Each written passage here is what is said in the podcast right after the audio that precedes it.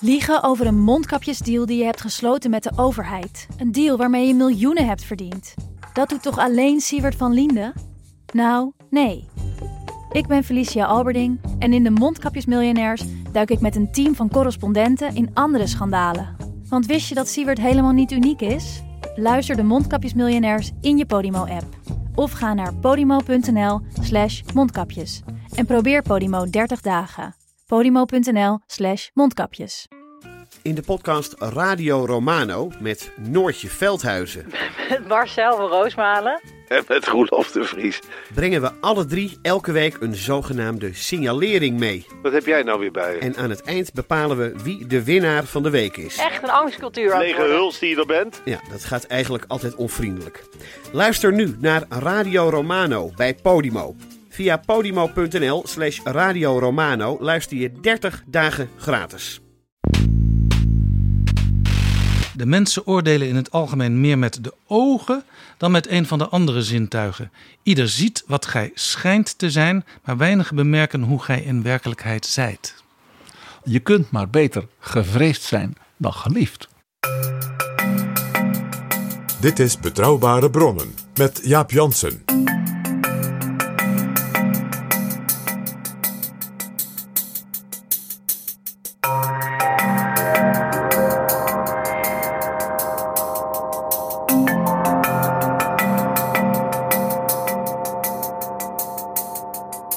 Hallo, welkom in Betrouwbare Bronnen, aflevering 200. En welkom ook PG. Dag Jaap, 200. Aflevering 200, bijna aan het einde van het derde seizoen. Dat is wel een moment, hè, PG? En nog steeds alle weken een experiment, Jaap. Je begint het experiment steeds beter te begrijpen. Ja, maar jij bent ook veel slimmer dan ik. Betrouwbare bronnen. We bedanken onze luisteraars die nog steeds mogelijk maken dat wij dit allemaal doen. Want ja, zonder luisteraars ben je nergens. En het zijn er aldoor weer meer. Ja, en sommigen die worden zelfs vriend van de show. Dat is ook hartstikke leuk. Vriend van de show, dat betekent dat je met een donatie onze podcast echt mogelijk maakt. Want dan kunnen we nog heel lang doorgaan. Dus als je vriend van de show wil worden, misschien is aflevering 200 wel het mooie moment daarvoor. Ga dan naar vriendvandeshow.nl slash bb. Jij weet vast nog, Jaap, onze eerste editie. Tuurlijk, dat was met Jan Terlouw. Zat s'avonds meteen in het 8 uur journaal. Aflevering 1. Heel bijzonder. En ook heel interessant, jij had een verhaal over de voor veel Nederlanders toen nog volstrekt onbekende Duitse minister van Economische Zaken en Klimaat Peter Altmaier. Want die werd in de Duitse media plotseling genoemd als mogelijk nieuwe voorzitter van de Europese Commissie. Totaal uit de lucht vallen. Jij hebt toen helemaal verteld wie die man was. En niet heel veel later was hij te gast bij ons. Bijzondere was dat hij dat hele gesprek in het Nederlands heeft gedaan. Want hij bleek Nederlands te spreken. En niet een beetje een ongelooflijk goed eh, humoristisch. Je weet dat is altijd geheim. Als je een andere taal, als je daar met humor over kan praten, dan beheers je die taal ook echt. En met een vuur en met een passie, zoals ja, mensen die Peter Altmaier kennen, die waren helemaal niet verbaasd. Nee. Maar het komische is, eh, jij zegt het is eh, voor mij alle dagen nog een experiment. Nou ja, ik ben journalist, dus ik heb altijd wel een beetje een idee waar ik naartoe wil met iets. En dat zie je eigenlijk ook wel, want die allereerste aflevering die bevatte al de elementen die nu nog steeds heel kenmerkend zijn voor betrouwbare bronnen. En waarom betrouwbare bronnen ook, ja, mag ik toch misschien wel zeggen, uniek is in de podcastwereld. Want we hebben het niet alleen over de politiek aan het Binnenhof, de actuele politiek. Eh, we hebben het ook over de Europese politiek. We kijken ook naar wat er in de maatschappij daaromheen plaatsvindt. En we kijken natuurlijk ook naar de geopolitieke ontwikkelingen. En dat alles, PG, en dat is dan zeker ook aan jou te danken, alles in een historisch kader. Nou ja, ik vond het toen leuk om te zeggen: stel nou dat een Duitser de voorzitter, de president van de Europese Commissie wordt. Het werd een Duitse. Dan is dat de tweede. Want één ding had ik zo'n gevoel voor, dat weet in Nederland bijna niemand. De dat tweede in de geschiedenis. Ja, dat de allereerste president in Brussel van de commissie een Duitser was. Meneer Hallstein. En die dus als het ware de basis heeft gelegd voor het, wat nu dus die baan is. En die Europese Commissie als zodanig, hoe dat functioneert. Het soort mensen dat er werkt. Aflevering 100 ging over Nederland en Europa, de lusten en de lasten. Waarom Nederland vaak een wat moeizame verhouding met Europa heeft als het gaat om het geld. Nou, dat was ook bijna een profetische aflevering, want eh, daarna eh, kwam ook weer heel veel gedoe tussen de Nederlandse regering, het kabinet Rutte en Europa als het ging over de plannen voor een nieuwe zevenjaarsbegroting. En daar kwam nog het coronaprobleem en de hersteloperatie bovenop. Dus ook typisch weer zo'n betrouwbare bronnen aflevering. Eigenlijk een iconische aflevering. Is ook heel goed beluisterd. En dat is ook heel leuk dat je dus dingen, uh, zelfs over het Den Haag van de middeleeuwen. En de onderhandelingen van de ambtenaren in Den Haag. Hè, onder de toenmalige graaf Albrecht van Beieren. Met de paus in Rome, met anderen in Europa. Dat je dus patronen daarin kon zien. Inclusief het gemopper op die Zuid-Europeanen. Die je gewoon nog steeds ziet. En dan gaan we nu beginnen, PG, aan aflevering 200. Maar niet dan nadat we nog even een aantal mensen bedankt hebben. Vooral natuurlijk Anne Janssens en Tim de Gier, de oprichters van Dag en Nacht Media, onze uitgever. En iemand eh, die ons ook heel vaak bijstaat op dit moment, Flip Kilian Adams. En natuurlijk nog allerlei mensen uh, die ons in het begin ook heel erg gestimuleerd hebben om vooral zo door te gaan uh, zoals we het deden. En de belangrijkste daarvan is misschien wel helaas niet meer onder ons vertoevende Max van Wezel. Die zelf ook podcasts maakte. En die in het begin wel eens heeft gezegd: Ik maak een podcast van 25 minuten voor de NPO. Langer mag niet, want dan denken ze dat er geen luisteraars meer zijn. En jullie maken een podcast die soms wel eens langer dan drie uur duurt. En als jullie 25 minuten ver zijn in die podcast van drie uur, dan is PG nog bezig met zijn introductie. Uh, ja, dit was het soort humor van Max uh, die wij uh, nimmer zullen vergeten en die we alle dagen missen. Jaap Jansen en Pieter Gerrit Kroeger duiken in de politieke geschiedenis. PG, aflevering 200. Jij zei meteen, dan moeten we het een keer gaan hebben over Machiavelli. Niccolo Machiavelli. En dan vooral natuurlijk over zijn boek. He, want dan heeft men het over het boek van Machiavelli, Il Principe. Wat dus betekent de vorst, de heerser. Ja, de heerser. Ik heb politicologie gestudeerd, daar kreeg ik het ook te lezen. Sterker nog, de politicologie studentenvereniging aan de Universiteit van Amsterdam heet Machiavelli hun uh, blad, ik weet niet of dat blad nog bestaat, heet Discorsi. Dat is ook een bekend werk van een Machiavelli. Ander, een ander boek van Machiavelli. En als je nu naar de website van uh, Machiavelli gaat, dan kun je daar zelfs uh, mondkapjes met het logo van Machiavelli erop bestellen. PG, jij zei dus meteen, we moeten het over Machiavelli hebben. Waarom is Machiavelli, als je het in een paar zinnen kan zeggen, zo'n iconisch figuur, ook voor de politiek van nu nog steeds? Machiavelli schreef aan het begin van de 16e eeuw een soort boek over zijn observaties uit hoe werken politiek en macht en diplomatie. Want hij had door zijn werk, waar we het over gaan hebben, met alle grote machthebbers van zijn tijd gepraat, geknokt, uh, intellectueel dan. En had geprobeerd voor zichzelf op te schrijven: wat leer ik daar nou van? En daarmee was hij eigenlijk de eerste sinds nou, de oude Grieken of zo, die op een zeg maar, empirische manier rationeel probeerde te analyseren wat is dat politiek. Ja, dat is eigenlijk wat wij ook vaak doen in onze podcast. Met sleutelfiguren praten over hoe zij voor en achter de schermen hun werk doen. Ja, en Machiavelli deed nog iets wat wij ook wel eens proberen. Die keek dus voortdurend naar het verleden.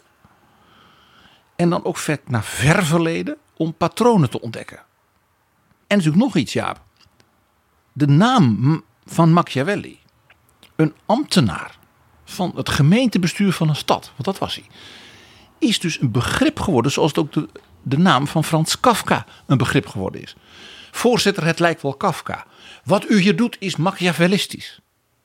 Ja, dat zijn van, vanzelfsprekende begrippen geworden. Waarbij ik dan zeg: zouden nou heel veel luisteraars van betrouwbare bronnen, heel veel mensen beseffen als dat woord valt, wat zit daarachter?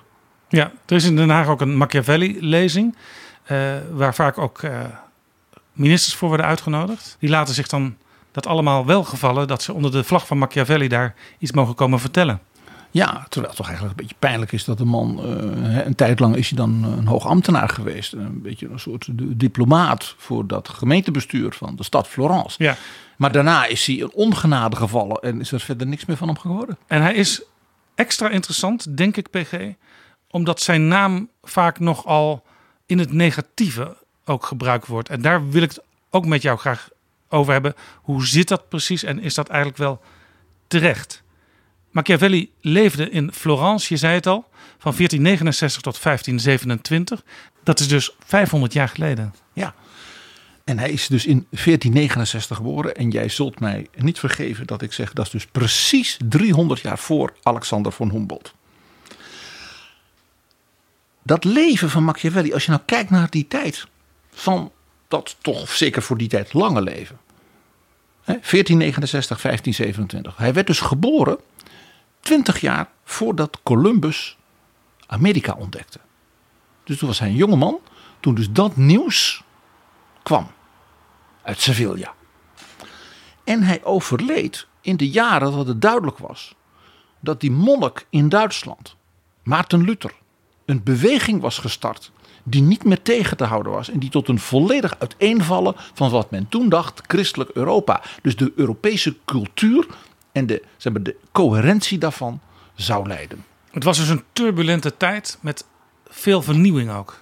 Een tijd van ongekende veranderingen, ongekende ontdekkingen, letterlijk en figuurlijk op wereldschaal. En met geweldige veranderingen in dus de cultuur en de machtsverhoudingen binnen Europa en dus ook rond zijn stad Florence en zijn Italië. Ja, moet even bijvertellen, want jij zegt hij werkte voor het stadsbestuur.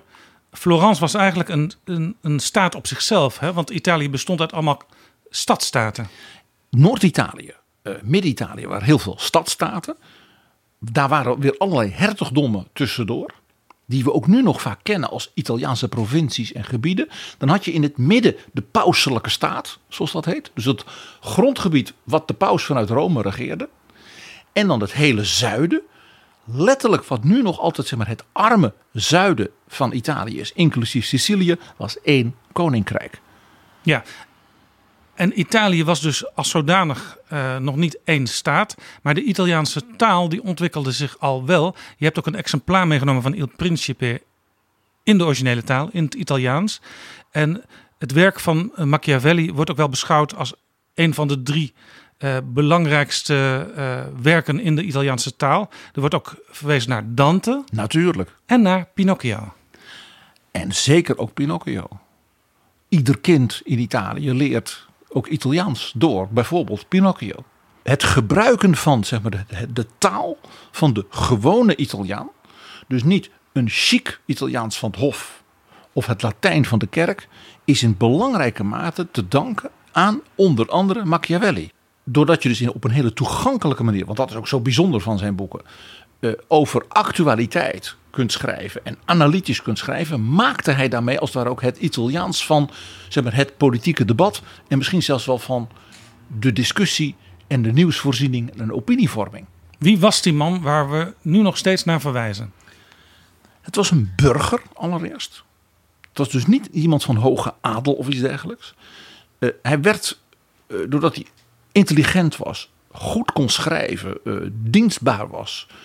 Uh, ja, ambtenaar van dus de gemeente Florence. En dat was daarom ook belangrijk, omdat in zijn tijd, toen hij dus nog jong was, er grote veranderingen waren in Florence. En het bijzondere was dat de familie de Medici, die daar de baas waren, het was over een handelsfamilie, die was dus niet zeg maar, van klassieke adel, dat waren bankiers, die werden door een soort revolutie uh, eruit getrapt. En die, dat nieuwe stadsbestuur, daarvan was Machiavelli een van de topambtenaren. En werd met name ook hun, zeg maar, hun rondreizende diplomaat. En dat betekent dus dat Machiavelli als niet-adellijke man, als representant, als een soort roving ambassador van die belangrijke stad met al die bankhuizen. En dat was een heel belangrijk economisch-financieel centrum in Europa. Met alle topmensen in Europa in gesprek raakte, verdragen moest maken, vredesverdrag moest doen met de koning van Frankrijk, met de paus in Milaan en met rivaalsteden, met Spanje. Kortom, deze burger en intellectueel werd dus een gesprekspartner op punten van macht, diplomatie en dergelijke met alle groten der aarde van dat moment. En wat er met hem gebeurde was dat toen uh, ja, de politieke omwentelingen in Florence zeg maar, de, voor hem de verkeerde kant op gingen, hij een beetje in ongenade kwam. En toen is hij ja, op het boerderijtje wat hij dan, dan van de familie had aan de rand van Florence, is hij daar maar gaan zitten en een beetje zielig. En toen is hij maar gaan schrijven. En zo is hij op het idee gekomen, laat ik eens een boek schrijven over wat heb ik nou eigenlijk geleerd. En dat boek is ook een boek eigenlijk vol, je zou kunnen zeggen, wetten van de macht. Uh, hoe kom je aan de macht en hoe blijf je aan de macht? En dat boek heeft een hele bijzondere bedoeling en een bijzondere aard. Dus dat zal ik nogal even straks aanstippen. Vergeet niet dat hij een echte renaissance mens was. Wat natuurlijk past bij het Florence van die tijd. Hij was dus niet alleen maar diplomaat. Hij was ook een politiek en militair theoreticus. Want als ambtenaar kreeg hij ook de opdracht de fortificaties van Florence, dus de stadsmuren en de nieuwe forten eromheen te inspecteren en te verbeteren. Dus wat deed hij? Typisch voor iemand van die tijd. Die begon dus een boek te schrijven over hoe verdedig je een stad, wat zijn betere forten, waar moet je opletten, hoe oefen je soldaten. Zijn boek, De kunst van het oorlog voeren, want dat heeft hij ook geschreven, is dus meteen in zijn tijd een klassieker en een bestseller geweest. Was dat ook vanuit het idee, er zijn nog helemaal geen boeken over dit onderwerp, dus laat ik dan maar dat eerste boek schrijven? Dat handboekachtige, dat zat een beetje in hem. Dus wat hij dus ook deed, was dus een soort architect van forten worden. Nou, er was nog niemand in Florence, een ook niet domme man, die daar, en die tekeningen kennen wij nog, ook mee bezig was. Leonardo da Vinci. Dus Da Vinci als een soort collega was dus weer een inspirator voor zo'n boek. En zo zijn we weer op een punt, Jaap, waar wij het samen al vaker over hebben gehad in die eerdere afleveringen. Dat die mensen in die eeuwen van vroeger elkaar, dat, zoals jij dat zegt, PG, ze kenden elkaar allemaal. Ja, dat, ik zeg altijd, dat is iets wat heel typisch is voor de tijd waarin we nu leven. Iedereen heeft met iedereen contact, zeker via internet. Als je wil, dan kun je echt iedereen bereiken. Maar zelfs toen, toen er nog niet zo extreem veel uh, over de aarde gereisd werd, waren er een aantal sleutelfiguren. Uh, niet alleen uh, vorsten en politici, maar ook denkers, schrijvers, kunstenaars. Mensen die iets, iets, iets wilden laten zien, die elkaar ook ontmoeten. Nou, dit onderwerp, omdat dat al zo vaak vanuit het verleden en het heden is langsgekomen, heb ik ook voor deze speciale aflevering daarom ook gekozen. Want je zult verbaasd zijn wie er weer allemaal langs gaan komen. Machiavelli was dus een schrijver, naast diplomaat en fortenarchitect. Hij was een dichter. Hij was de eerste, zeg maar, moderne historicus sinds de oude Grieken. En hij heeft een toneelstuk geschreven dat tot de dag van vandaag in Italië wordt uitgevoerd. En dat door Voltaire werd genoemd als het meest perfecte komische toneelstuk van de Renaissance. La Mandragola heet dat toneelstuk. En hij was een berucht satiricus, Machiavelli. Hij schreef dus ondeugende verhaaltjes en gedichten. En zo was hij populair als de maker elk jaar van nieuwe carnavalsgedichten. Carnavalsgedichten. Kortom, een echte uomo universale van de renaissance. En dan dat boek, PG, Il Principe. Ik weet daar iets van, van het boek. Ik zei al, bij politicologie eh, kregen we het te lezen. Uh, ik heb ook nog in mijn studietijd bij Herman Tjenk Willink een jaar lang les gehad. En die liet ons ook een aantal hoofdstukken uit dat boek lezen. En, en ik, jij hebt de syllabus van Tjenk Willink voor zijn studenten van die tijd bij je. En de goede man heeft dus toen medewerkers gehad die dat zaten te fotocopiëren. En dat zit dan dus nog altijd in die syllabus die jij zo keurig hebt bewaard. Zal ik even een paar titels lezen van hoofdstukken die hij ons studenten liet lezen? Belangrijk hoofdstuk is hoofdstuk 17, vreedheid en zachtmoedigheid. Ander belangrijk hoofdstuk, ook heel actueel in het licht van wat er in, op het Binnenhof de afgelopen maanden gebeurd is. In hoeverre een vorst zijn woord moet houden. Is dat niet het beroemde hoofdstuk 18? Precies. Ja. En ook een belangrijk hoofdstuk, hoofdstuk 19. De vorst moet vermijden zich veracht en gehaat te maken. Nou ja, dat liet Cenk Willink die we nu dus allemaal kennen, die iedereen nu kent, eh, toen in de jaren tachtig al aan zijn studenten lezen. En hij zei: niet onbelangrijk om hier goed kennis van te nemen. En ja, als uh, kabinetsinformateur uh, zal hij natuurlijk lessen als dat, hoe je je wel of niet aan je afspraken moet houden in een conceptregeerakkoord. Natuurlijk ook wel eens voor de geest halen. Hè? Ja, ik heb een paar dingen destijds al aangestreept. Die wil ik er toch nog even bijhalen. Want dan krijg je een beetje een idee van hoe uh, Machiavelli schreef. Hij schreef: Een mens die in alle omstandigheden het goede wil doen, gaat onder te midden van de velen die niet goed zijn.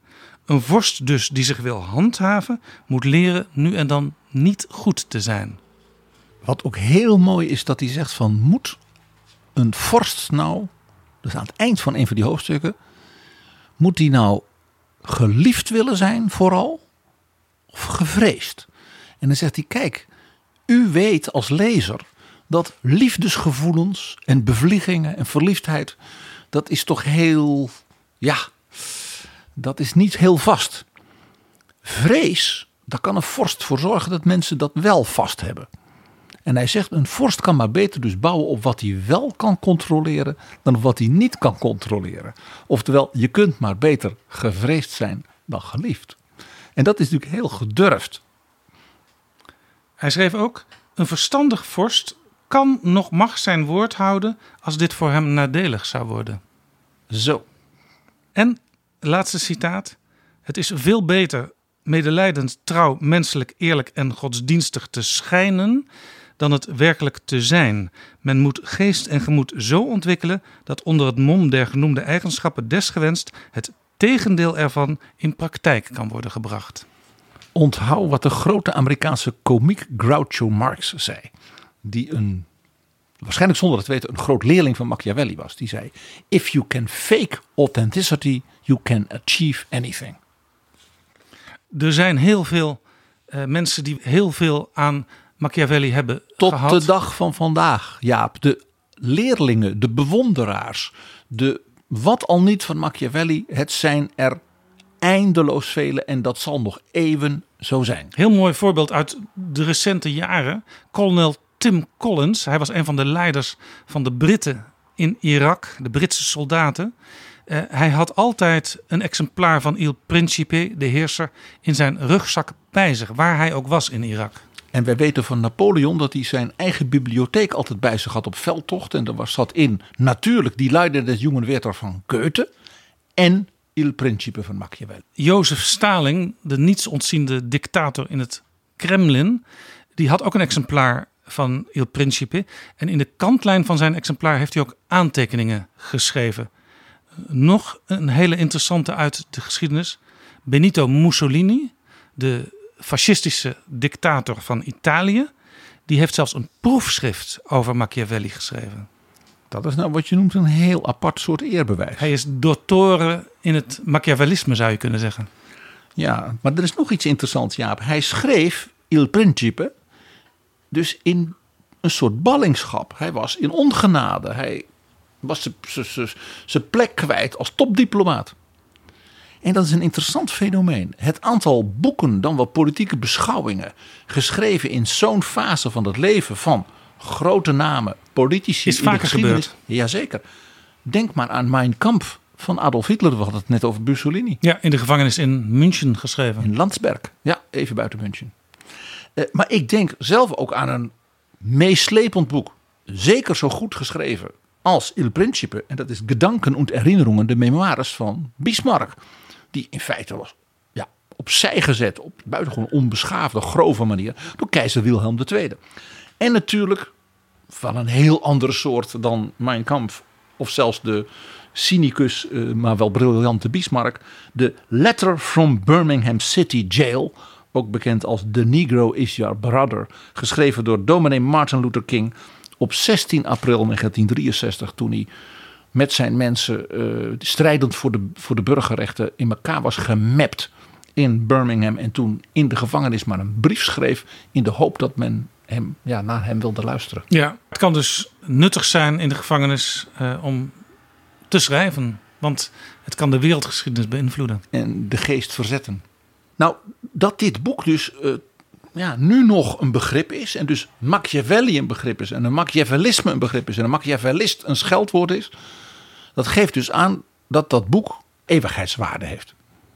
En als je kijkt naar zijn tijd, dan zijn er twee, drie andere boeken van dezelfde tijd, van dezelfde generatie. En het interessante is van drie verschillende culturen in die tijd, voor wie dat ook geldt. Allereerst moeten we natuurlijk noemen Utopia van Thomas More. Ja. Maar wat dacht je van De Lof der Zotheid van Erasmus? En natuurlijk misschien wel de meest gelezen en belangrijkste van allemaal. De vertaling in het Duits van de Bijbel door Maarten Luther. Ja, ook interessant eh, vanwege de ontwikkeling van de Duitse taal. Zoals Machiavelli belangrijk was voor de ontwikkeling van de Italiaanse taal. Het Duits als taal, als communicatietaal met een vaste zeg maar, begrippen en ritmes en wat dan niet, is in belangrijke mate het werk van die vertaling door Maarten Luther. Ja, dat boek Il Principe, dat verscheen pas vijf jaar na de dood van Machiavelli. Hij had dus blijkbaar niet meteen de bedoeling om het te publiceren. Nee, de bedoeling was om het te schenken aan een heerser. Aan wie het ook kon opdragen. In de hoop dus dat hij dan weer in, in genade zou worden aangenomen. En misschien zijn baan terug zou krijgen. Een soort sollicitatiebrief. Ja, ja. Het was eerst bedoeld voor de nieuwe burgemeester van Florence, dus die hem eigenlijk had ontslagen.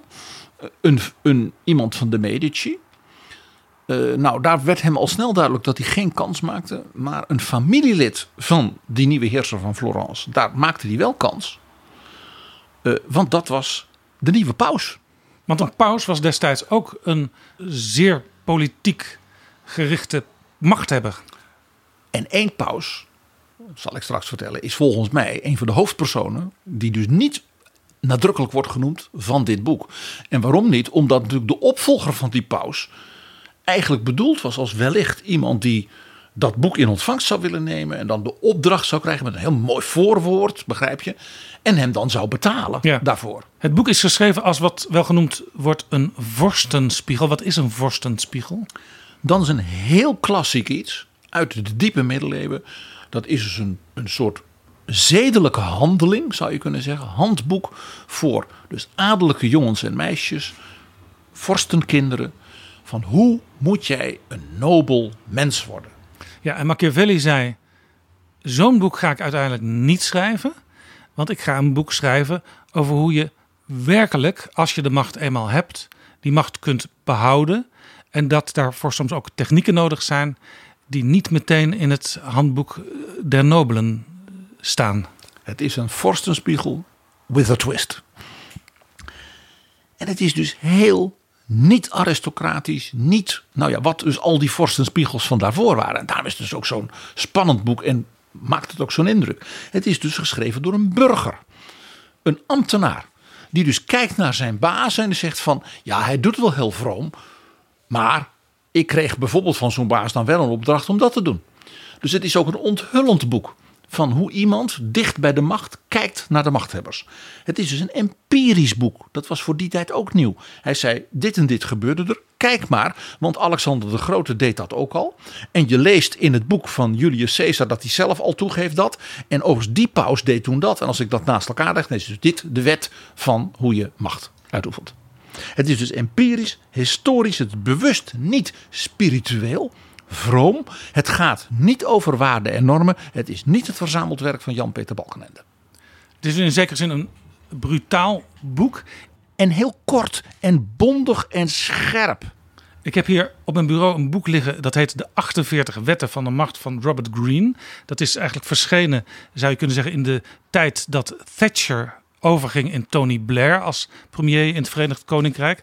En die uh, Robert Greene die zegt: ik heb me heel erg laten inspireren door Machiavelli, maar ook door de politieke praktijk in de nadagen van Thatcher. Hoe de mensen binnen die conservatieve partij met elkaar omgingen. Het interessante is, Tony Blair was dus zeg maar de, de sociaal-democratische opvolger van de conservatieve mevrouw Thatcher. Hij had een uh, chef staf die heet Jonathan Powell. En die heeft later zijn werk onder Blair op schrift gesteld. In een boek dat als titel heeft The New Machiavelli: How to Wield Power in the Modern World. En Tony Blair zelf was ook niet vies van uh, Machiavelli. Want toen hij een jaar premier was, is hij op vakantie gegaan in Italië. En heeft hij de wijngaard bezocht van Machiavelli. Waar je nu nog steeds wijn met het etiket Machiavelli kunt kopen. Dat is dus bij die boerderij waar hij dat boek heeft geschreven. Ik ben zelf in Florence. Toen was ik uh, net ambtenaar op het ministerie van Onderwijs. En in mijn zomervakantie was ik in Florence en heb toen een heleboel ansichtkaarten gekocht van het grafmonument voor Machiavelli. En dat naar een heleboel bevriende ambtenaren gestuurd om ze te provoceren. Ik geef het eerlijk toe. Dit is Betrouwbare Bronnen. Het interessante PG is dat het, hoewel het ongeveer 500 jaar oud is, nog steeds actueel is wat Machiavelli geschreven heeft. En hij leest als een trein. Hij dat is ook heel knap. Ja, het zijn allemaal korte hoofdstukjes. En een machthebber kan er wat aan hebben. Ja, het is een soort uh, uh, executive summary van de realpolitiek. Hè? Zouden de Duitsers zeggen. Nou, en dat was dus de reden van die reputatie van het boek en daarmee van de man Machiavelli en daarmee van het begrip Machiavellisme. Want wat was hij? Dit was verdorven, als je zo dacht. Want dit was amoreel. Dit was een vijand van zedelijkheid, van idealisme, van ethisch regeren. Het was genadeloos, het was vies, het was wreed en het legitimeerde dus tirannie. Dat was dus de, het antwoord van de, zeg maar, de concurrenten vorstenspiegelschrijvers. He, die ook schreven, u moet als vorst nobel zijn en geliefd. En u moet zorgen dat de mensen u vereren. En Machiavelli zei, dat is natuurlijk heel fijn als je geliefd bent. Maar ja, de ene keer zijn ze verliefd op die en de volgende week zijn ze verliefd op een ander. Dus je kunt als vorst misschien maar beter hebben dat ze een beetje bang voor je zijn. Heel kil. Dus ik gebruik ook wel weer zo'n negatief woord kil. Je zou kunnen zeggen, ja, een beetje, een beetje afstandelijk. Een heel concreet actueel voorbeeld hierbij, PG. Het, zal een beetje gruwelijk zijn wat, je, wat ik je nu ga vertellen. Maar oh jee. Tim Collins, die dus dat boek van Machiavelli als leider van de Britse soldaten in Irak altijd bij zich had uh, die zei hierover dat je dus gevreesd uh, moet zijn als je een dorp uh, bezet in een land waar dus gedoe is en waar je ja, de vrede terug wil brengen. Um, dan kan het natuurlijk geen kwaad om met de burgers goede relaties te hebben. Maar soms moet je dan bepaalde regels stellen in het begin, waar je ook hard ingrijpt als die regels niet nagekomen worden. Bij wijze van spreken alle wapens moeten ingeleverd worden in het dorp. Als er dan toch nog mensen blijken zijn die wapens hebben, dan kan het zijn uh, ja, dat die mensen uh, straf krijgen. Misschien wel dat ze de doodstraf krijgen. En daarna ga je een voetbalwedstrijd spelen met uh, de jongens in het dorp. Om wel te laten zien dat je iets goeds van plan bent. En, en dat heeft hij geleerd van Machiavelli. En hier, hiermee zie je, Jaap, dat iedere koloniale Europese heerser die buiten Europa de mensen aan zich onderwierp, zijn Machiavelli goed gelezen moest hebben. Een voorbeeld van dus de impact al nog in die 16e eeuw. Dus van Machiavelli's eigen leven. Van die reputatie die dus de persoon Machiavelli door dat boek kreeg. Ik herhaal nog, het was dus een ambtenaar van het gemeentebestuur van Florence. Dat is de collega van Shakespeare, Kit Marlowe. Die jong stierf, waardoor hij niet zo'n enorm oeuvre heeft nagelaten. Maar ook Shakespeare zelf. Dat hij de persoon Machiavelli in hun toneelstukken gewoon lieten optreden. Dus het publiek aan het hof van koningin Elisabeth I wist dus precies waar het over ging. Dus Kit Marlowe laat in zijn toneelstuk The Jew of Malta. Dat speelt natuurlijk in Zuid-Europa, op het eiland Malta. De Jood van Malta, dat klinkt een beetje. Ja, dat is dus een, uh, scherp stuk. De proloog daarvan, het toneel gaat op. En dan voordat de handeling op Malta begint, is er iemand die gaat vertellen: dit stuk gaat over dat. En wie is dat? Niccolo Machiavelli. En de hele zaal, toneelliefhebbers, inclusief Her Majesty the Virgin Queen, wist dus wie dat was en wat ze konden verwachten. Dus net als Napoleon, Stalin, Mussolini had Elisabeth de eerste haar Machiavelli gelezen. Dat weten we zeker. Want haar vader Hendrik VIII had dat al gedaan. En we weten van Elisabeth I dat zij perfect Italiaans las, sprak en zelfs gedichtjes erin kon maken. Een zeer intelligente literaire vrouw. En wat doet dus die proloog van Marlowe's toneelstuk? Die voert dus Machiavelli op, dus waarschijnlijk zo'n Italiaans kostuum. En die vertelt: dit is een stuk over verraad, macht en, het, en de zucht naar geld en wreedheid. Zo. Dan wist je dus meteen wat er ging komen. En wie was dus de beste tolk van deze boodschap? Een Italiaanse gemeenteambtenaar. En het hele publiek in Engeland wist wat er speelde. Dat zegt iets dus over hoe in korte tijd dit boek de persoon Machiavelli tot zo'n begrip had gemaakt als inderdaad Frans Kafka. Hoe dus dit proces van Kafka, hè, we hebben het er eerder over gehad in Betrouwbare Ronnen. Deze jonge Joodse verzekeringsambtenaar uit Praag tot een begrip maakte van ambtelijke verschrikkingen. Uh, en ook ja, hoe mensen uh, tussen de wielen raken in staten en tirannen en dergelijke. Ja, het Machiavellisme is dus een stempel voor uh, dingen die niet helemaal in de haak zijn, zou je kunnen zeggen. Amoreel leiderschap. Maar toch laat zo'n op het eerste gezicht brave uh, hoogleraar, ambtenaar als Cenk Willink, mij als student in de jaren tachtig Machiavelli lezen. Ja, nou ja, misschien uh, deugt dus die professor van jou ook wel niet. Of dreugt jij wel niet, dat zou ik ook kunnen. Maar zeker wat betreft die professor ga ik daar niet meteen van uit.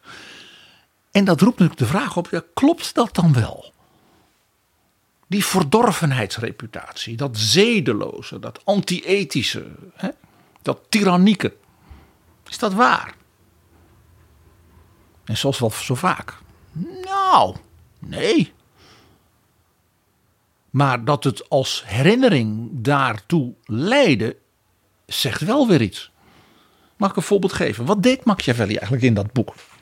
Hij wou analyseren het nieuw soort machthebber, dat dus in die tijd hè, tussen Columbus en Luther, dat hij dus actief was in Rome, dat hij zag komen. Ja, het was ook de tijd dat het niet meer automatisch zo was dat uh, de nieuwe koning de zoon was van de oude koning.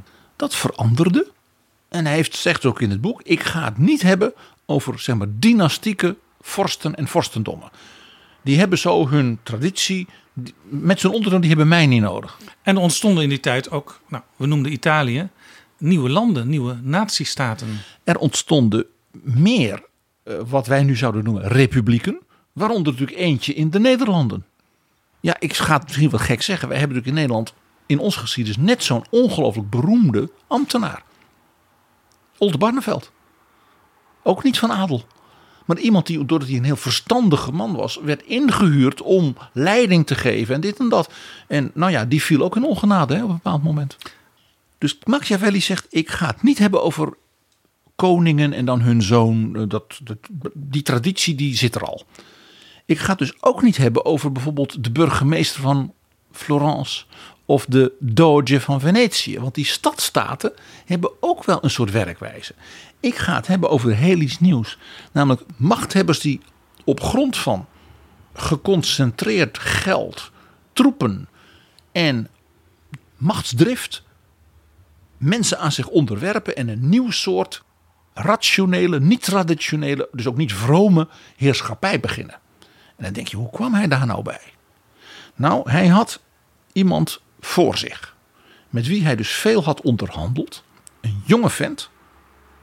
Een Spanjaard. Die in Italië, het hele midden van Italië had onderworpen. Steden belegerd. Mensen hun kop afgehakt. Uh, slechte ja, verdragen had gesloten. Ontrouw was geweest aan zijn bondgenoten. Alle slechte dingen had gedaan die wij denken bij Machiavellisme. Een Spanjaard. Cesare Borgia. Borgia. De zoon van de paus. En dan denk je, de paus, een zoon? Dat was in die tijd, hè? Nou, niet, lang niet altijd. Maar kardinaal Rodrigo Borgia uit Valencia had, ja, uit de tijd dat hij zeg maar, nog geen paus was, een gezin. Hij had nog een zoon, Juan. Dat was een vredaard en een dronkelap waar het slecht mee afliep. Dan had hij een jongere zoon, Cesare. Die was briljant, maar gewetenloos. En hij had een dochter, Lucretia. En die was beeldschoon en intelligent.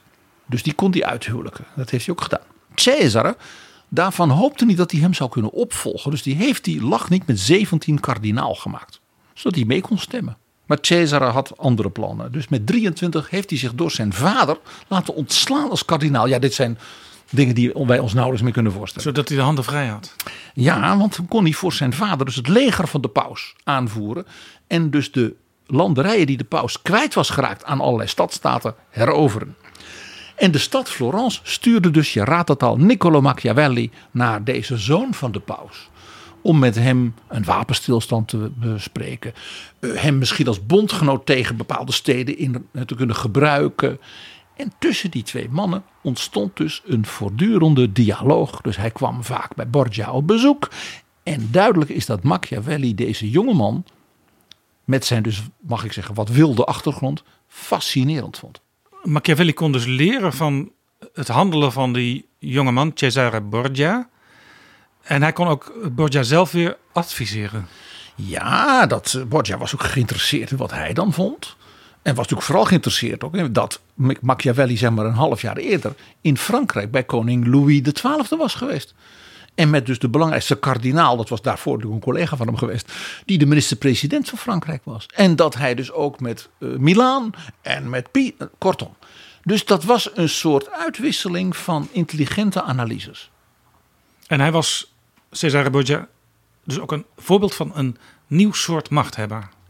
Cesare was natuurlijk in feite een condottiere, zoals ze dat in Italië in de middeleeuwen al kenden. Dus iemand die met troepen bijvoorbeeld een stad innam en zichzelf dan zeg maar tot een soort burgemeester maakte. En dan hoopte dat zijn zoon dan daarna. En zo niet, dan pakte hij nog een andere stad erbij. Is dat het eigenlijk hetzelfde woord als uh, conducator in uh, Roemenië? Antwoord is ja.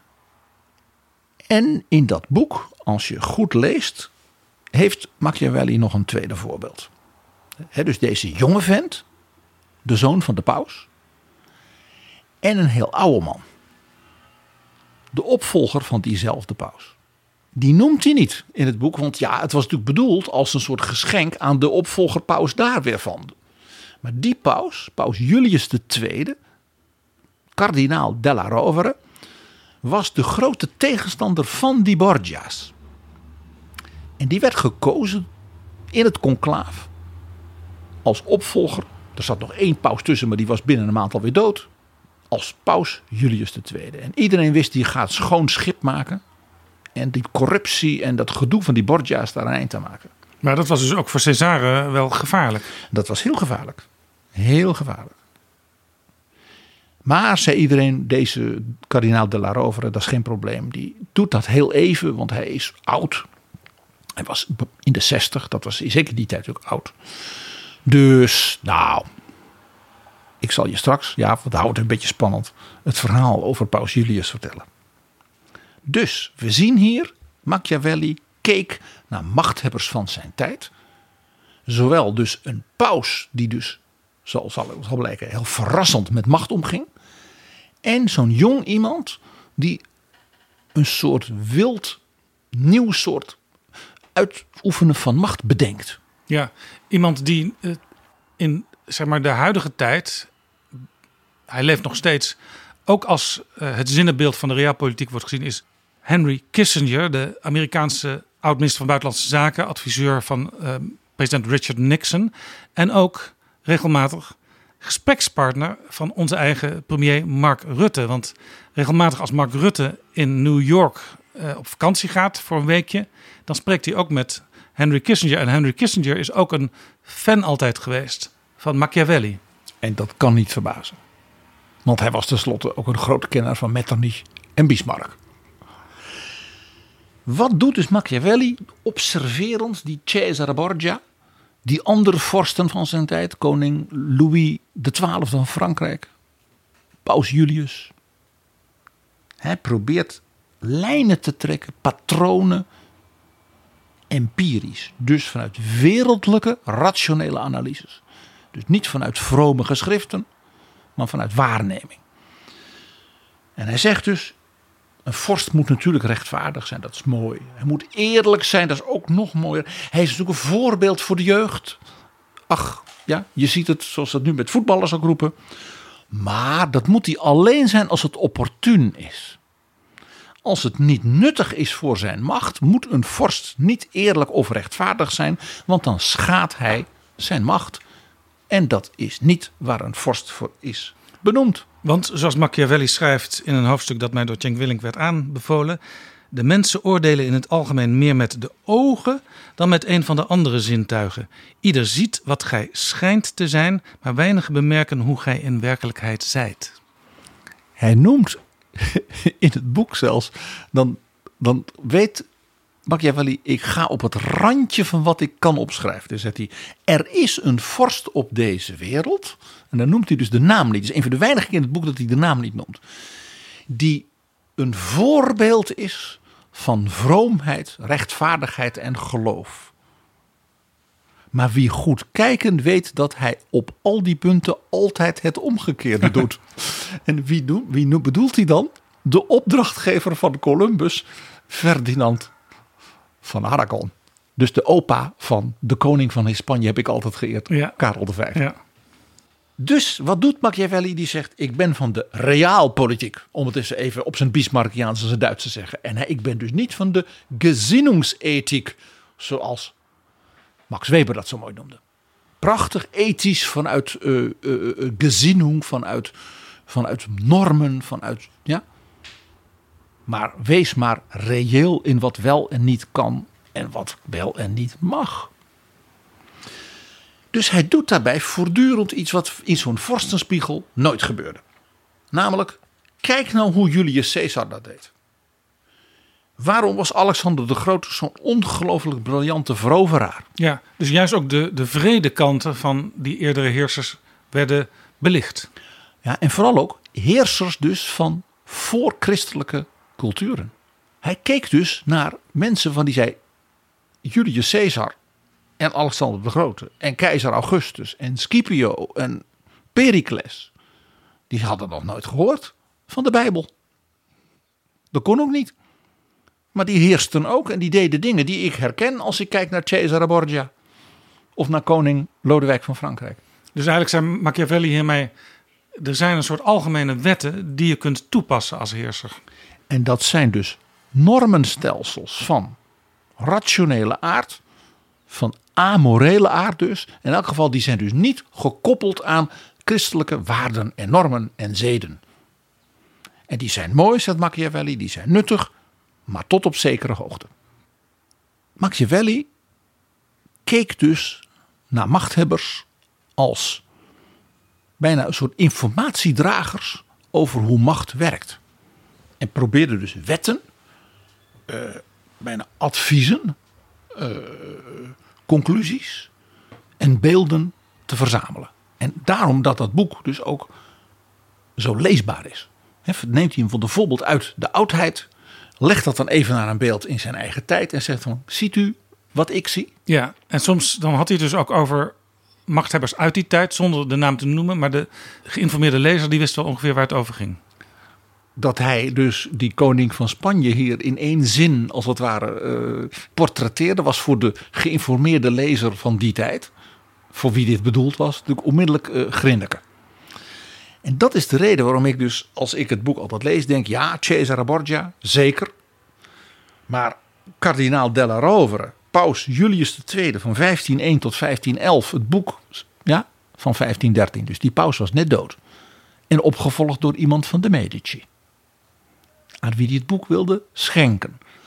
Paus Julius is onmiskenbaar ook, trekt hij door dit boek. Deze paus was dus een oude man. Dus dat was een soort tussenpaus. Letterlijk. Ja, maar hij is het dik tien jaar geweest. Want hij zat nog niet in dat Vaticaan. Of het eerste wat hij deed was via een aantal zeer slimme manoeuvres. Je hoort hem al. Cesare Borgia eerst naar zich toe halen. Keep your friends close, keep your enemies closer. Om hem vervolgens te dumpen. En hij kwam dus uiteindelijk terug in Spanje. En toen was hij ziek en daar is hij gestorven. En die hele Cesare Borgia is door deze paus weggespeeld. Tragisch einde. Een tragisch einde, maar iedereen in Italië had zoiets van... Die oude baas, het Vaticaan, die kan wat. Ja, dus hij paste eigenlijk al een beetje toe eh, respect door gevreesd te zijn. Ja, handige manoeuvres in de diplomatie. Je zou bijna zeggen van, had hij dat boek al gelezen? Nee, dat kon niet, want dat moest nog geschreven worden. Paus Julius, die kreeg een tweede jeugd. Dat heb je wel eens vaker met machthebbers. En dan zitten ze op die plek ik noem maar Deng Xiaoping, ik noem Adenauer, ik noem de Gaulle. Ja, allemaal oude mannen en ineens, wam, tweede jeugd. Paus Julius is het voorbeeld daarvan. Die zei, ja, die Cesare Borgia heeft dus al voor zijn vader, mijn voorganger, allemaal steden veroverd. Die zijn allemaal natuurlijk meteen in opstand gekomen. Toen paus Alexander, hè, dus Borgia, dood was. Ja, die steden, die wil ik terug. Dus wat deed hij? Hij heeft een leger uitgerust. Hij sloot een verdrag met de koning van Frankrijk. En die zei, u helpt mij uw vijanden te bestrijden in Noord-Italië en met name Venetië. En dan helpt u mij vervolgens dat ik dus dat Borgia-gedoe weer voor mij als paus kan innemen. En met name die ongelooflijke rijke en eigenwijze stad Bologna. Daarmee was natuurlijk Florence onmiddellijk, hè, kijk maar naar de ligging, deel van het spel. Ja. Dus Florence moest een plek vinden ergens tussen zeg maar, Frankrijk en de paus. Maar uh, Venetië was ook een concurrent van Florence. Maar, nou ja, het is moeilijk, moeilijk, moeilijk. Kunnen we niet neutraal blijven? Nou, zei de paus, dacht het niet. Dus Machiavelli moest uh, naar de paus. En Machiavelli die reist dus achter de paus aan en ontdekt dat de paus persoonlijk deze oude man te paard in een enorm uh, harnas oprukte naar Bologna. En paus Julius heeft de stad Bologna belegerd, ingenomen. Zeg maar alle burgemeesters nou ja, gestraft. Iemand van zichzelf benoemd. Namens de stad Florence ja, moest Machiavelli weer met dat nieuwe gemeentebestuur, weet je wel. En paus Julius deed nog iets. Die wou even laten zien dat er een andere wind waaide in Italië. En dus die huurde vanuit Florence de door hem meest bewonderde kunstenaar en die moest op het grote plein in Bologna een reusachtig beeld van Paus Julius op zijn troon neerzetten. In brons. En dat was Michelangelo. En denk je, dat beeld dat ken ik niet. We kennen toch alle grote beelden van Michelangelo? Is weggehaald. Ja. Zodra de paus dood was, heeft dus het gemeentebestuur als het ware de macht weer teruggepakt. En ze hebben dat beeld omgesmolten om kanonnen van te gieten. Is er toch nog iets nuttigs mee gedaan? Zouden maar het klinkt ook heel machiavellistisch. Deze paus was dus niet alleen een groot generaal en bestuurder en ja, maar ook een kunstmecenas. Want tot de dag van vandaag zien wij het werk van paus Julius II. Want hij heeft Michelangelo de opdracht gegeven een nieuwe kerk in Rome te ontwerpen, de Sint-Pieter. En nou was dat idee voor een nieuwe kerk wel vaker bedacht. Maar wat deed Paus Julius? Die dacht, en daarom dat ik zeg, hij is een inspirator van Machiavelli. Die zei, je moet ook soms voldongen feiten creëren. Dus die heeft de bestaande Sint-Pieterskerk, die was uit de vierde eeuw na Christus van keizer Constantijn, laten afbreken. Zodat er, ja, toen moest er wel iets nieuws komen. Dus dat ontwerp van Michelangelo, wat dus in, daarna is gebouwd, onder de opvolgers van Paus Julius, is dus een design een idee geweest, maar ook een machtsgreep van deze oude man. Waarvan iedereen dacht, nou een jaartje, misschien twee jaartjes paus. Ja, iets wat in Nederland had kunnen gebeuren op het Binnenhof. Met het complex wat daar stond om een, een nieuw parlementspaleis te bouwen. Wat in de tijd van Thorbecke werd bediscussieerd. Paus Julius is de koning Willem III van het Vaticaan, zeg jij eigenlijk. Ja, inderdaad. Dit is Betrouwbare Bronnen, een podcast met betrouwbare bronnen.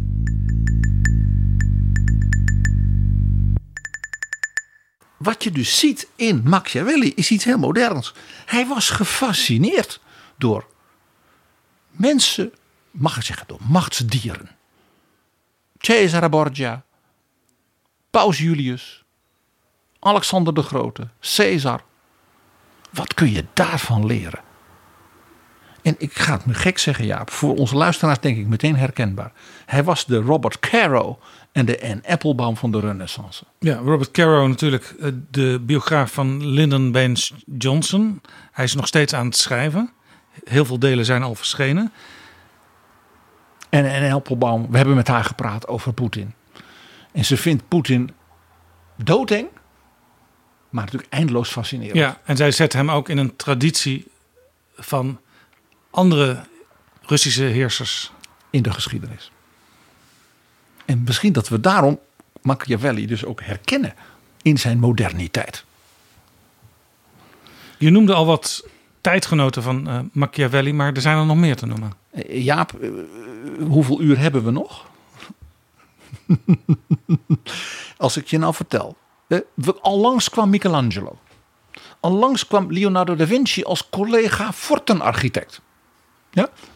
En ook als vriend van de koning van Frankrijk. Ik heb ooit verteld hoe de bejaarde da Vinci in 1519, dus in de leef, nog in het leven van Niccolo Machiavelli, in de armen van Van Rassa, premier koning van Frankrijk, stierf. Toen hij aan de Loire voor hem werkte. Nou, de koning van Hispanje heb ik altijd geëerd. Karel V. Was keizer van Duitsland, koning van Spanje in die laatste jaren van het leven van Machiavelli. En zijn voorgangers, Ferdinand van Aragon, nou die bespot hij al een beetje. Keizer Maximilian, de voorganger van Karel. Heeft hij uitgebreid mee onderhandeld. Die beroemde Habsburgse tantes, die buitengewoon slimme vrouwen, die de Nederlanden regeerden, Hongarije, Oostenrijk, ja. Allemaal tijdgenoten van Machiavelli. Dus had er in die tijd een CNN-achtig televisiekanaal bestaan, dan waren dit ook de mensen die daar zeer regelmatig op te zien waren geweest. Ja, dan had je dus een discussie gehad over hoe moet het nu met de Europese politiek tussen Thomas More, Erasmus en Machiavelli. Ja, ja we bellen even in met uh, Florence. Niccolo Machiavelli, want er zijn weer ontwikkelingen. Ja, uh, maar mag ik ook mensen noemen die misschien in Europa niet meteen bekend waren, maar wel van enorme invloed ook op Europa. Suleiman de Geweldige, de sultan. De man die dus in 1529, we hebben het dus over deze tijd, Wenen belegerde. En keizer Karel V dus met alle troepen van Habsburg van alles moest doen om te voorkomen dat de islam dus niet alleen de hele Balkan, maar ook nog heel Hongarije, heel Oostenrijk en Slovenië, we hebben het erover gehad, zou innemen. Op datzelfde moment was ook de islam enorm aan het expanderen in Azië. Want een tijdgenoot van Machiavelli is Babur, de eerste keizer van het grote rijk van de Mughal in India. Babur betekent tijger. Nou, een soort Julius II, denk je dan. Wie was ook een tijdgenoot? Hernan Cortés. En daarmee dus ook Montezuma, de keizer van het rijk van de Azteken in Amerika. Waarna die verschrikkingen kwamen van de pandemie, die de bevolking in Amerika, de Indiaanse bevolking, decimeerde. Ja, allemaal voorbeelden dus van heersers die in zekere zin op een nieuwe manier hun werk deden. En waar je dus ook, als je het zou bestuderen, wat Machiavelli dus ook deed, veel van kon leren. En dus ook allemaal verbonden met het Europa van zijn tijd en de machthebbers waar Machiavelli direct mee te maken had. Pausen, heersers, koningen, bankiers als de Medici, kunstenaars als Leonardo. Mag ik nog één Nederlander noemen? Met wie hij dus veel te maken had en over wie wij in een volgend seizoen het zeker zullen hebben. En dat is Adriaan Floris Boeiens. Is dat paus Adriaan VI, een Nederlander die onverwacht gekozen werd? Inderdaad. En dat was de leermeester, biechtvader, adviseur en ook vervanger van Karel V, de koning van Hispanje. Toen hij als jong vorst keizer van Duitsland werd en dus naar Worms moest voor de Rijksdag, waar hij dus met Luther werd geconfronteerd. Je ziet hoe dit aan elkaar verbonden is. Toen was de regent van Spanje Adriaan Floris Boeiens. Dus namens Karel, het hart van het Habsburgse Rijk, het Spaanse wereldrijk, werd door deze Nederlandse kardinaal geregeerd. En als dank werd hij gekozen tot paus. Hoe kan dat dat we eigenlijk nooit meer iets horen over die Nederlandse paus? Omdat hij heel jong daarna is gestorven. En hij extreem impopulair was in Rome. Dus ook niet iemand om nog uh, Hosanna gewijs te bewieroken. Maar we gaan het toch nog een keer over hem hebben, want die reputatie is geheel onterecht. Nou, die tijdgenoten, dat zegt al iets. Want dat is dus tijdgenoten met het Habsburgse wereldrijk. Met India, met de sultan, met Montezuma en de Azteken. Daar zie je dus dat er voor het eerst een global community aan het ontstaan is. Het is de tijd dat Amerika wordt ontdekt en de Portugezen, Vasco da Gama, en de anderen ja, de wegen naar Azië, naar Japan zelfs ontdekken. Dat dat Habsburgse imperium Europees is en vervolgens ook een wereldwijd imperium wordt. Wat natuurlijk ook de Nederlanden en Portugal en dergelijke dus tot wereldomspannende netwerken maakte. Het is de opmars van de islam in India, maar ook in Europa, hè, tot aan de poorten van Wenen. De scheuring in het christelijk Europa van Rome en de Reformatie. En natuurlijk wat wij noemen de Renaissance, die bloei van de kunsten. Terugkijkend, net als Machiavelli, naar de oudheid, Rome en, en Griekenland. Alfabetisering, massale boekdrukkunst, waardoor Luther zijn Bijbel onder het volk kon brengen. Zodat de volkstaal, maar ook dingen als media, zouden wij nu zeggen, en propaganda ineens begonnen en een massaverschijnsel werden. En ja, die periode van dus globalisering die we hier zien. En nieuwe manieren van macht. En ook nieuwe verschijnselen van macht. Babur in India. Cesare Borgia in Italië. Dat is maar met één periode in Europa te vergelijken in onze geschiedenis. En die periode is in betrouwbare bronnen in die vorige 199 afleveringen toch wel eens aan de orde geweest. De tijd van zeg maar 1770, 1820. De tijd van Goethe, Jefferson, Napoleon, Wilhelm en Alexander van Humboldt. Ja, 300, Tocqueville. 300 jaar na Machiavelli, 200 jaar geleden. Dezelfde periode. Van enorm geconcentreerde globalisering, politieke, revolutionaire, filosofische, industriële revolutie. Nieuw denken. Een man als Humboldt, die dus die dus als ontdekkingsreiziger, als geniaal analyticus, ja, tot zijn dood met 90. En enorme creativiteit. Interessant. tijd van Machiavelli 500 jaar geleden, de tijd die jij nu noemt 200 jaar geleden. We zitten nu natuurlijk ook in een revolutionaire tijd. Uh, we zitten in het datatijdperk, in het internettijdperk. En dat leidt ook weer tot allerlei uh, nieuwe creativiteit, zoals die periode ook heel veel creativiteit liet zien. En dus kan die tijd net als de tijd van Goethe, Jefferson en Humboldt en Tocqueville, ons zo verschrikkelijk veel vertellen. En dat wou ik eigenlijk vertellen, Jaap. En zo begreep ik het ook, PG. Prachtig.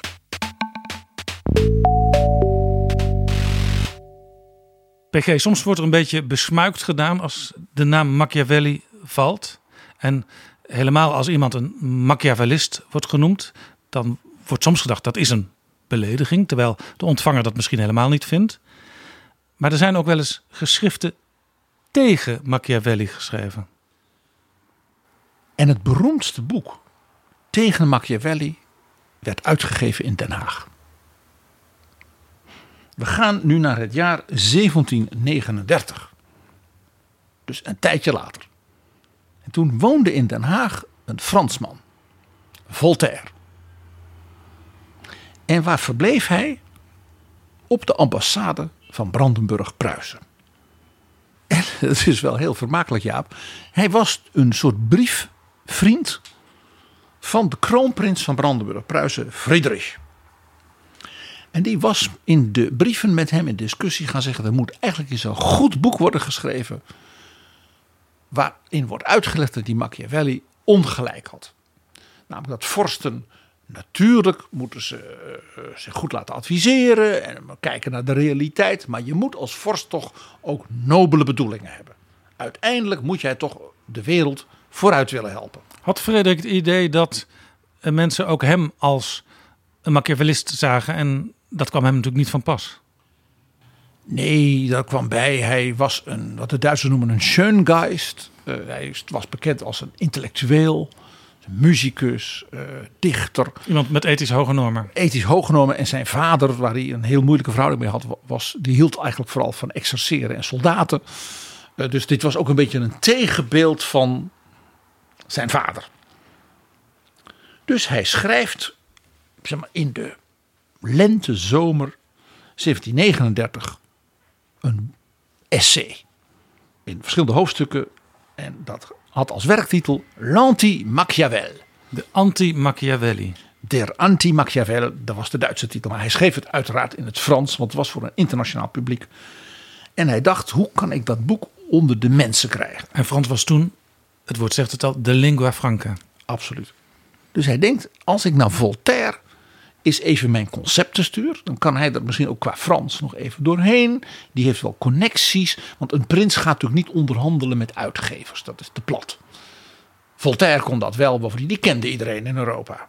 En zeker in Den Haag, en dat was fijn, want in de Nederlanden was natuurlijk veel minder censuur op kritische boeken dan elders. En Voltaire denkt, dat is een leuk klusje. En die zorgt ook meteen dat een vriend in Engeland gaat vertalen, zodat het ook in het Engels verschijnt. Voltaire had jaren in Londen gewoond. En zo wordt dat boek, L'Anti-Machiavel, in een aantal afleveringen ja, van hoofdstukken uh, in Den Haag uh, bewerkt. Toezicht gehouden door Voltaire. En het boek is maar in juni van 1740 klaar. En dan stuurt de kroonprins Friedrich een engelbrief naar Den Haag. En ik lees nu voor wat hij schrijft aan Voltaire. Pour Dieu, achetez toute l'édition de l'Anti-Machiavel. O mijn hemel, koop de hele drukeditie van de Anti-Machiavel op. Hij wilde niet dat het verspreid werd. Nee, want zijn vader was net overleden. En dus hij was koning nu geworden. En als natuurlijk er een boek verscheen van hem. Waarin hij schreef dat vorsten nobel en edel en dat moesten zijn. Dan zou dat wat pijnlijk worden. Want hij was namelijk iets van plan. Zodra hij aantrad. Wat alles behalve edel was. En betrouwbaar en loyaal en vroom. En dan zou dat weer heel veel ruis op de zender geven. Ruis op de zender, ja dat is het inderdaad. Nou, uh, Voltaire probeert het wel. Maar uh, nou, het is onmiskenbaar zodat hij een deal heeft gesloten met de uitgever om tegen de prins te zeggen: ja, helaas, helaas, helaas, het lukt niet. Want Voltaire zag natuurlijk een bestseller. En de prins kon natuurlijk niet als auteur van dat boek staan. En ik heb hier de omslag voor mij, Jaap. Anti-Machiavel. Ou Essai de critique sur le prince de Machiavel. Publié par Monsieur de Voltaire. À la Haye bij meneer Pierre Poupil. Dus het is wel gepubliceerd en eigenlijk nam Voltaire de verantwoordelijkheid op zich. Gepubliceerd door Monsieur de Voltaire. Heel Europa wist dus niet geschreven door Monsieur de Voltaire. En iedereen wist dus wie het had geschreven. Dat gedoe leidde er overigens toe dat uh, Voltaire uh, nog jaren glazer had, ik zeg het maar gewoon, met uh, zeg maar Nederlandse uitgevers, de Nederlandse overheid. Uh, men heeft zelfs een aantal van de boeken van Voltaire uh, verboden. Uh, hij heeft enorm ruzie gemaakt met de uitgever Pierre de Hond. want die had de geschiedenis van Rusland, die Voltaire had geschreven, in het geniep afgedrukt zonder de naam Voltaire erop. Want dat kon in die tijd. De magistraat Den Haag, dus, dus zeg maar de Jan van Zanen van toen, heeft het boek Pucelle van Voltaire verboden. En uh, de regering van uh, de, de, provincie Holland heeft het Philosophie de l'Histoire van Voltaire laten verbranden. Dus een heel warme relatie was er met de Nederlandse overheid niet. Hij was wel dol op de stad Den Haag. Maar dat kwam ook omdat er dames woonden waar hij graag op bezoek kwam. Aha. Waarom, Jaap, denk jij dat hij dat boek wilde laten opkopen? Die prins. Dat was ook heel eervol voor hem dat hij een bestseller in Europa had. Die als het ware mensen uitlegde hoe je nobel als vorst kon zijn en rechtvaardig. Nou ja, jij vertelde het eigenlijk al. Hij zou daarmee uh, vergeleken worden met al die nobele motieven. Uh, uh, zijn eigen politieke praktijk zou daarmee vergeleken worden. En dat zou dan in zijn nadeel uitvallen. Ja, Jaap. Want op hetzelfde moment dat hij koning werd, stierf de keizer van Duitsland, van Habsburg. Karel. En die had geen zoon, die had alleen een dochter. En die dochter kennen wij allemaal als keizerin Maria Theresia. En die moest enorm knokken om erkend te worden als vrouwelijke opvolger. Dus Frederik heeft dat enorme leger dat zijn vader zo geoefend had, meteen laten marcheren in haar allerrijkste provincie, Schlesien, Silesië. En die heeft hij in anderhalf jaar ingenomen tegen alle vredesverdragen en alles in. Machiavelli, poer, zouden de Duitsers zeggen. En hij had dus geen behoefte dat dat boek op dat moment met die toon verscheen. Daarvan zei Voltaire toen de onsterfelijke woorden. De prins van Pruisen, hè, Le Prince de Prusse, heeft een prachtige feesttaart gebakken bij, bij zijn aantreden. En er vervolgens op gespuugd, zodat niemand een hap door zijn keel zou krijgen. Gaat zien. P.G. Machiavelli, de grote schrijver in de Italiaanse taal. Tot op de dag van vandaag is hij zeer invloedrijk. Als we nou even naar Nederland kijken. Oh jee, Jaap. En naar de politiek van de laatste jaren. Oh jee, Jaap. Kunnen wij dan ook Machiavellisten aanwijzen? Nou, mag ik er één noemen? In zekere zin dus met ere. Als toch wel de ultieme Machiavellist van de Haagse politiek van de laatste, en dan moet ik even tellen, 50 jaar, 40 jaar? Ja, hè? Jan Nagel. Jan Nagel. Voor de mensen die die naam voor het eerst horen, kan het me niet voorstellen. Maar hij was uh, als jongere actief in de Partij van de Arbeid. Tientallen jaren daarna ook nog in die partij, ook lid van de Eerste Kamer geweest. Hij had een dubbelrol, want hij was ook nog eindredacteur van de politieke radio- en televisieprogramma's van de VARA. En later stond hij aan de wieg. Hij heeft opgericht een aantal partijen. Je kunt ze bijna niet meer tellen op de vingers van één hand. Onder andere uh, Leefbaar Nederland, Leefbaar Hilversum. Hij was de bedenker van Pim Fortuyn als lijsttrekker. Ja, een partij van Peter R. de Vries, de Partij voor Rechtvaardigheid, Daadkracht en Vooruitgang. Precies de initialen van Peter R. de Vries. En natuurlijk van de partij 50PLUS, waarvoor hij zelf ook nog in de Senaat heeft gezeten. En waar hij de ene na de andere lijsttrekker, scheuring en toestand van heeft beleefd, zo niet zelf veroorzaakt. En je zou hem dus kunnen scharen als Machiavellist onder het kopje het doel heiligt alle middelen. Nou ja, dat zeg je nu wel heel bruut. Uh, volstrekte amorele realpolitiek. Jan Nagel, iemand die meestal in de coulissen werkt. Uh, kun je ook politici noemen die wat zichtbaarder zijn of zijn geweest? Nou, wat ik bijvoorbeeld een mooi, zuiver voorbeeld van Machiavellisme vond, was dat uh, PvdA-leider Diederik Samson een wethouder uit Amsterdam, Lodewijk Asscher, naar voren schoof als vicepremier. En dat Samson werd beloond hiervoor, doordat Asscher zich als tegenkandidaat tegen Diederik Samson naar voren schoof om de nieuwe leider van de PvdA te worden. En toen zag je dat de Nederlandse kiezer uh, Machiavellisme niet altijd beloont. Interessant dat jij Lodewijk Asscher noemt.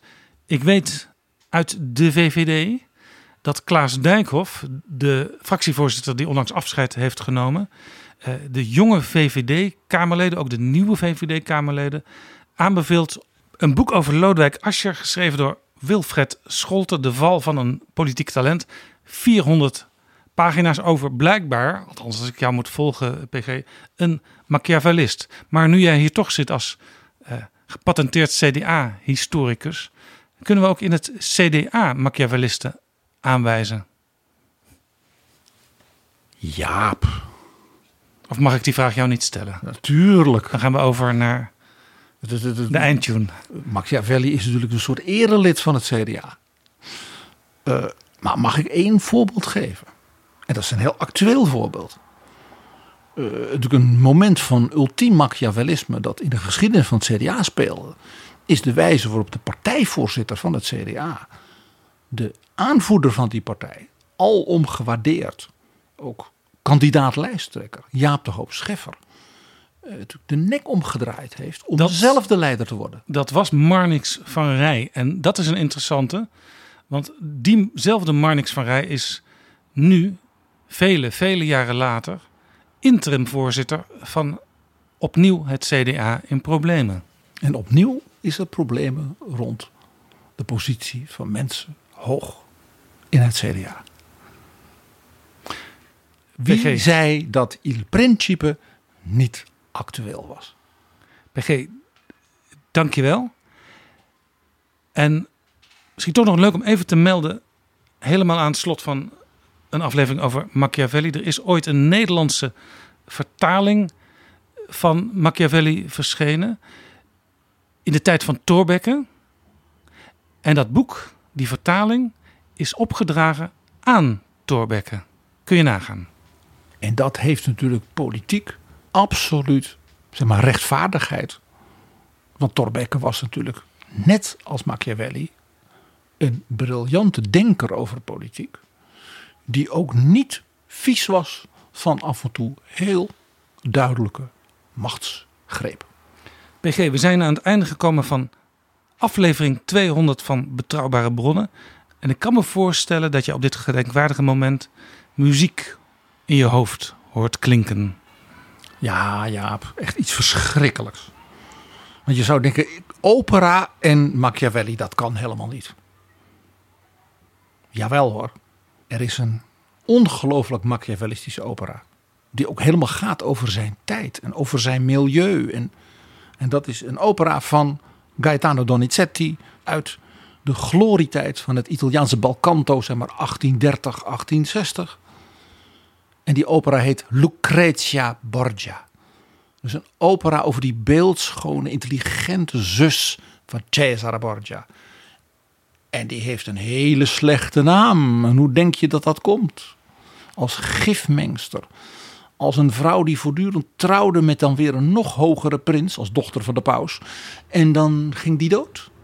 Of die werd vermoord door haar broer Cesare.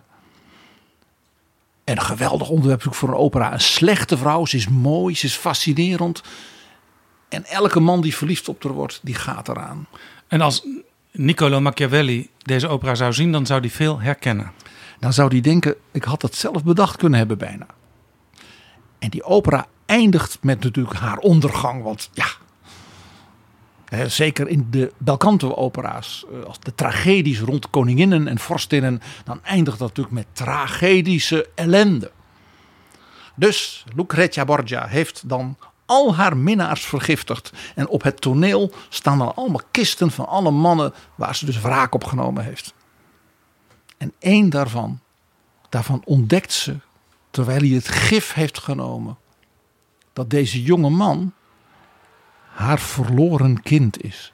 Dus haar minnaar was haar zoon. En dan smeekt ze hem: drink het antischif, drink het al. En hij weigert het. Ach, en dan zingt zij de aria Adesso è mio figlio. En deze was mijn zoon. En dan pleegt ze natuurlijk zelfmoord terwijl ze zingt, want we zijn wel in de opera. En we horen nu La Stupenda, Joan Sutherland, de grote, zeg maar, iconische belcanto sopraan. Het slot zingen van Lucrezia Borgia, zeg maar de ultieme Machiavelli opera.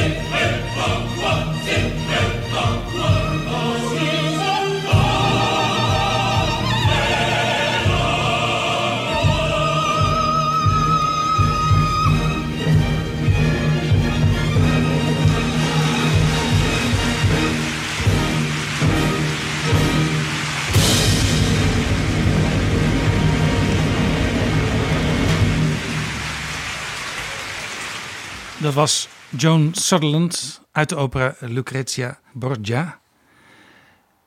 Mocht je in deze aflevering wat klikjes hebben gehoord, dan waren die van fotografen van de Volkskrant. Want daarin verschijnt deze week een artikel over betrouwbare bronnen naar aanleiding van de 200ste aflevering. Geschreven door Gijs Beukers. En PG, dankjewel voor al deze mooie afleveringen die we samen hebben mogen maken. Ik hoop dat er nog vele zullen volgen. En laten we helemaal tot slot van deze aflevering teruggaan naar de Tweede Kamer van afgelopen week. We luisteren naar het SGP-Kamerlid Roelof Bisschop in debat over de toekomst van Europa. Debat wat hij voerde met premier Rutte en minister Sigrid Kaag. Roelof Bisschop. Voorzitter, dank u zeer. De altijd actuele podcast Betrouwbare Bronnen stipte onlangs een boeiend en belangrijk onderwerp aan. Een citaat daaruit.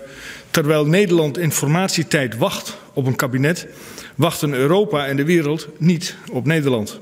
Zo sloegen de presentatoren de spijker op de kop.